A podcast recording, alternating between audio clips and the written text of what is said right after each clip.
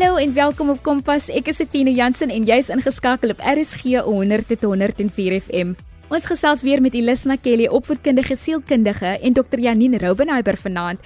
Dr. Henk Gous in Pretoria kuier ook op Kompas en jy's natuurlik welkom om jou gedagtes te deel op 45889 teen R1.50 of tweet ons by ZARSG. Adrian Abrams het getweet dat hy baie geleer het uit verlede week donderdag se program. Indien jy verlede week gemis het, ons het gesels oor die lewe na 'n selfmoordpoging. Ons het ook terugvoering van 'n luisteraar gekry oor die bewoording wat ek en die kundiges gebruik, selfmoord eerder as selfdood en hoe dit skade kan doen aan die luisteraars. Nou ek het van die begin af geweet dat hierdie 'n baie sensitiewe maar tog 'n belangrike onderwerp is. Dis is vir die Kompas-span baie belangrik dat ons hierdie platform skep waar ons mekaar kan opvoed, kan leer en hande kan vat om mekaar te ondersteun. Ek het in Lisna toe agtergekom dat hierdie term selfdood nog baie nuut is in die samelewing en nie noodwendig in die universiteit te behandel word nie. Nou Dr Henk Gous, 'n dominee in Pretoria, gaan die term selfdood aan ons verduidelik. Hy's ook 'n ouer wat sy kind aan selfdood moes afstaan en deel as kundige hoe ons hierdie onderwerp met deernis kan benader. Net 'n waarskuwing dat die onderwerp selfdood en depressie 'n emosionele sneller kan wees. Indien jy weet jy benodig hulp of ondersteuning, besoek die webtuiste www.sadak.org. Dr Henk Gous, baie dankie vir u bereidwilligheid om met ons hierdie term selfdood te bespreek en ook met ons as ouer te gesels oor depressie tekens onder jong mense. En Dr Henk, wat is die verskil tussen die woord selfdood en selfmoord? Ek dink dit is 'n vreeslike belangrike verskil. Want weet jy weet jy selfmoord daai woord kom nog uit 'n tyd van onkunde. In die verlede toe mense oor self selfdood en depressie verkeerd gedink het. En so 10 jaar gelede het professor Lizet Rabbi van Stellenbosch hierdie wonderlike nuwe woord gemaak van selfdood En dit is dis 'n woord wat eintlik uit in die nuwe wêreld kom en en nie moet gebruik word want dit help ons beter verstaan en ons lewe mos in 'n tyd van meer kennis. Nou die rede hoekom ek sê selfmoord pleeg moet ophou gebruik word omdat daai woorde sê net in die woorde 'n persoon wat dood is aan selfdood het 'n dubbele misdaad gepleeg want dis moord en jy dit gepleeg dis die denke dat dit eintlik 'n wilsdaad is wat jy uit sommer net jou eie sondigheid gedoen het. En dit kom ook daai dat baie Christene sê eh, in die verlede gedink het selfdood is sonde en onvergeeflik. Jy kan nie eers hemel toe gaan as jy aan selfdood dood is nie. Dus daai misverstand is omdat dit mense gedink het dis 'n wilsdaad wat jy pleeg uit kwaadwilligheid en sondigheid. Maar vandag weet ons, dis iets anders. Selfdood is eintlik die uiteinde van 'n siekte. En die siekte as hy nie reg hanteer of behandel of oorwin word nie, dan loop daai siekte uit na dood. Soos wat kanker wat nie behandel word nie ook uitloop of uitloop op die dood. En die siekte is 'n gemoedsversteuring met die naam depressie of ook bipolêre steurnis wat soms die een punt is baie depressief, die ander een is te energiek en te vrolik. En daai daai gemoedsversteuring versteur jou emosies en dit versteur jou logika. Dus jy dink nie meer helder nie. En een van die kenmerke daarvan van depressie wat regtig ernstig is en bipolêr is dit daar so 'n gedagte kort kort by jou opdring. Jy, jy kan hom nie dooddruk nie. En daai gedagte sê doodgaan is wonderlik. En as jy op die ou end nie daai gedagte wen nie, dan luister jy daarna en dan kies jy selfdood en dit moet ons verstaan en as ons dit verstaan dan kan ons vir mense help. Dis ek sal graag wil hê dat die term selfdood die enigste term word geword wat gebruik word oor die einde van iemand se lewe deur deurdat hy of sy sy of haar eie lewe neem. Soos jy genoem het, is dit 'n redelike nuwe term. Is dit iets wat nou al in 2021 binne die mediese en sielkundige kursus aangebied moet raak?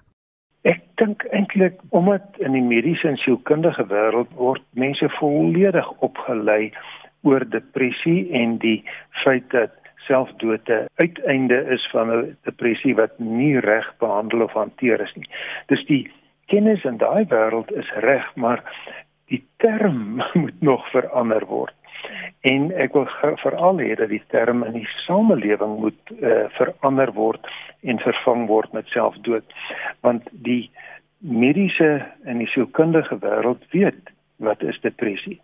En uh, hulle kyk na die simptome en dit is my belangrik dat ons ook weet wat is die simptome wanneer is ek sommer net moedeloos.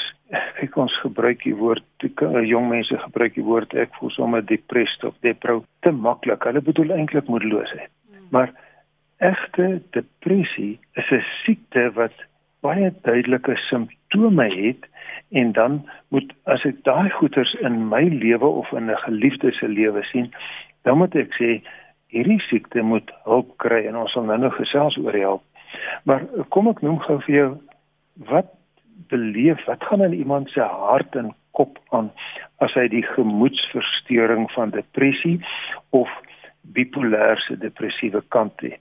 Skielik voel daai persoon die toekoms is donker al is hy of sy in goeie omstandighede. Hulle voel 'n mislukking en dat hulle dinge nie meer geniet nie. Daar's 'n liedjie met die naam Sonvanger wat dit so mooi uitbeeld die son het nog op 'n stadium so helder geskyn, maar nou sit donker in die middel van die dag. Dis dis my gemoed, die son skyn, maar ek voel donker. En dan 'n ander simptoom is dat jy voel skuldig en jy blameer jouself. En dan ook mense nie moeilik besluite stel uit, stel uit. Hulle kan partykeer nog goeders doen, maar dit kos dubbel die inspanning. Hulle onttrek van mense En die twee laaste belangrike goeters is slaapsteurnisse, dat hulle sleg slaap of aanhoudend slaap of onderbroke slaap. En die gevaarlikste simptoom is hierdie opdringende doodgaan gedagtes.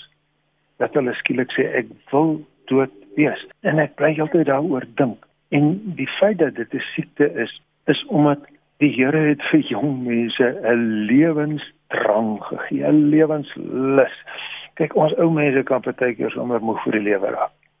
Maar jong mense is is gemaak om die lewe te wil opeet en as hulle nie meer wil lewe nie, dan weet jy dis 'n siekte en dan moet ek daarteen optree, dan moet ek die siekte beveg.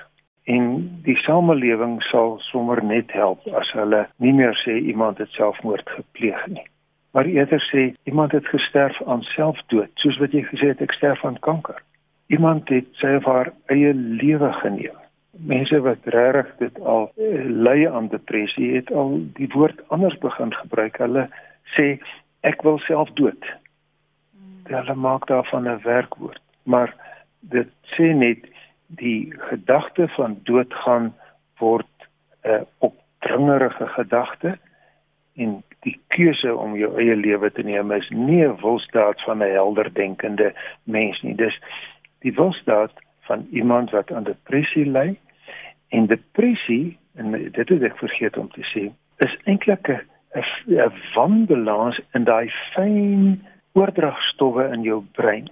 Daar's een of twee van hulle wat nie te min is en dit maak jou hele lewe donker as te min serotonien veral. En daai wanbalans in jou brein oordragstowwe maak dat jy pikdonker gedagtes het. En dit beteken nie jy is van jou kop af nie, want mense aanvaar dis normaal dat jy 'n wanbalans in jou liggaam het as jy byvoorbeeld diabetes het. Dan is daar 'n tekort aan insulien. Maar mense dink dit is oukei okay om diabetes se wanbalans te hê, maar dis nie oukei okay om jou brein se neurooordragstowwe se wanbalans te hê nie. En dit moet ons vir mense help verstaan dat hulle dit raak sien en kan diagnoseer. Jy is ingeskakel op Kompas met Etienne Jansen. Ons gesels met Dr Henk Gous oor selfdood en hoe ons as gemeenskap die tekens van depressie kan lees. Dr Henk, ek weet u het hulpbronne geskep deur boeke te skryf. Vertel ons 'n bietjie meer daarvan. Ek het daar so 6 of 7 boeke, maar 3 van hulle is oor depressie self. Ek kan twee noem. Die een se naam is As 'n kind se lag verdwyn wat ek saam met my vrou, 'n kliniese sielkundige, geskryf het wat eintlik vir kinders help om en vir ouers ook om dit te lees. Ouers sal dit eerder lees om te sien wanneer het 'n kleutertjie, 'n laerskoolkind, 'n hoërskoolkind, iemand in die 20ers wanneer is depressie 'n siekte wat waarskynlik is by hulle en hoe hanteer 'n mens dit? Die ander boek is uh, weet eintlik 'n hoofstukkie, net een hoofstukkie oor die boek se naam is Breekpunt wat eintlik 17 verskillende hoë stresfaktore in die lewe hanteer en mens met al jou stres raak sien en hanteer en reg hanteer want die stres kan sneller wees vir depressie wat tot selfdood lei en daarom moet 'n mens jou stres ook baie goed bestuur. Al die boeke het by Koem Boekhandel verskyn. Baie dankie Dr. Henk Gous vir hierdie hulpbronne wat in die vorm van boeke aan ons beskikbaar is. Ons gesels volgende week verder met Dr. Henk Gous oor hoe ons as gemeenskap iemand kan ondersteun en kan help wat aan depressie ly. Ons weet dat hierdie onderwerp 'n emosionele sneller kan wees. Dis is dit belangrik dat as jy wel met iemand moet praat, as jy sukkel met depressie en indien jy net meer inligting benodig, besoek die webtuiste www.mentalhealthsa.org www.rsg.za. Verlede week het Elisna Kelly en Dr. Ruben Heiberg gesels oor die herstelling van genesing na 'n selfdoodpoging. Vanaand is hulle terug en praat hulle oor die tekens van depressie onder jong mense. Jy luister na Kompas op RSG. Ons gesels verder hierdie week met Dr. Janine Raubenheimer wat haar eie praktyk het by Loftus in Pretoria. Die rede hoekom ons graag met Janine 'n onderhoud wou belê, is die feit dat holistiese benadering sowel as medisyne in haar praktyk gepaard gaan. So hoe jy jou lewe bestuur, dit wat jy inneem en net die basiese aspekte is vir haar net so belangrik soos die medisyne wat sy kan voorskryf. Dr. Janine, kom ons gaan 'n bietjie hierdie week terug na basiese beginsels toe. Kom ons gaan nie tot by die by die uitbreiding van gevolge tot by selfmoord nie of dan soos baie mense eufemisties dit wil stel selfdood kom ons gesels oor depressie onder tieners. Wat veroorsaak depressie onder tieners? Naand Elisna en luisteraars.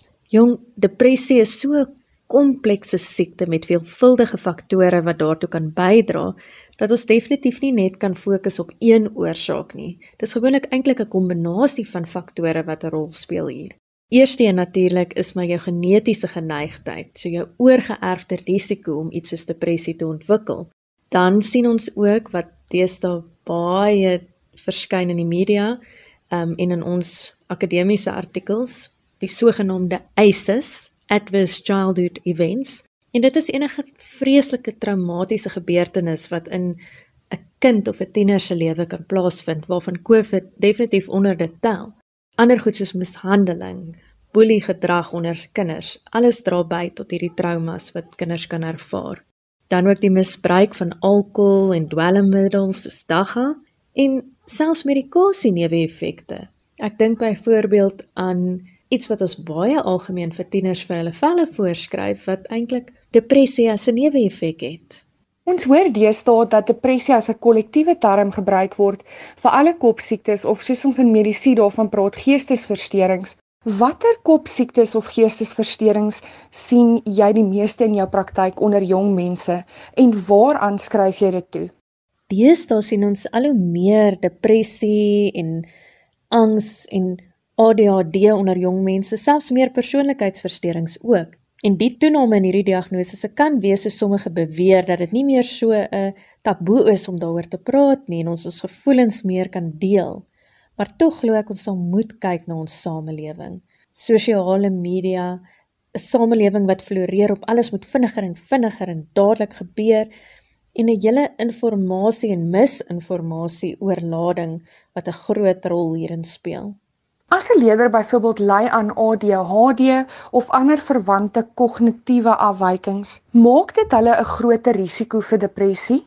Sjoe, Lista, as ons nou nog sleg eet, hormonale wanbalanse, min slaap en geen oefening by van die ander oorsake wat ons reeds vroeër bespreek het sit, is dit omtrent 'n resep vir 'n ramp wat hierso afspeel. So hoe werk neurotransmitters of hormone wat dan hierdie gevoelens in ons liggame help reguleer? Neurotransmitters is daardie klein molekules wat boodskappe oordra tussen senuwees, meestal in die brein, maar eintlik reg oor die liggaam. Die wat meestal met angs en depressie te doen het, is serotonien. Dit is ons goedvoel hormoon wat ons as ons genoeg daarvan het, help met konsentrasie en met fokus, besluitneming, om goed te slaap, om beter stres te kan hanteer.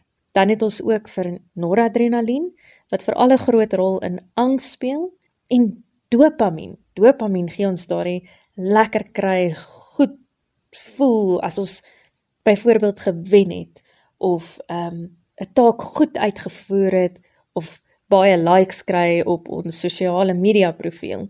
As hierdie neurotransmitters dan te vinnig weer opgeneem word deur klein reseptore op die volgende senuwee, kan hierdie goed wat so goed is van hierdie neurotransmitters nie gebeur nie.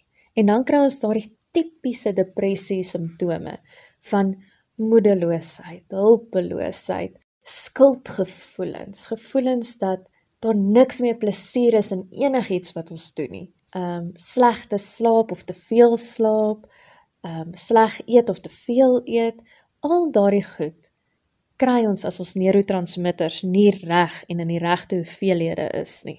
Hoe help medikasie dan hierdie neurotransmitters om beter te werk of beter te reguleer? Die sogenaamde antidepressante wat die medikasies vir hierdie siektes is, is eintlik wat ons noem selektiewe serotonien opneem in die beerders. Dit blok dus dat die neurotransmitters nie te vinnig opgeneem word ehm um, daardeur nie en dan langer kan bly om hulle oordragwerk te kan doen. Die nuwe middels help ook natuurlik met noradrenalien en dopamien se opnames. Jy is ingeskakel op RSG 100.104 FM. Dit is Kompas en ek is Athena. Ons gesels oor die tekens van depressie onder jong mense.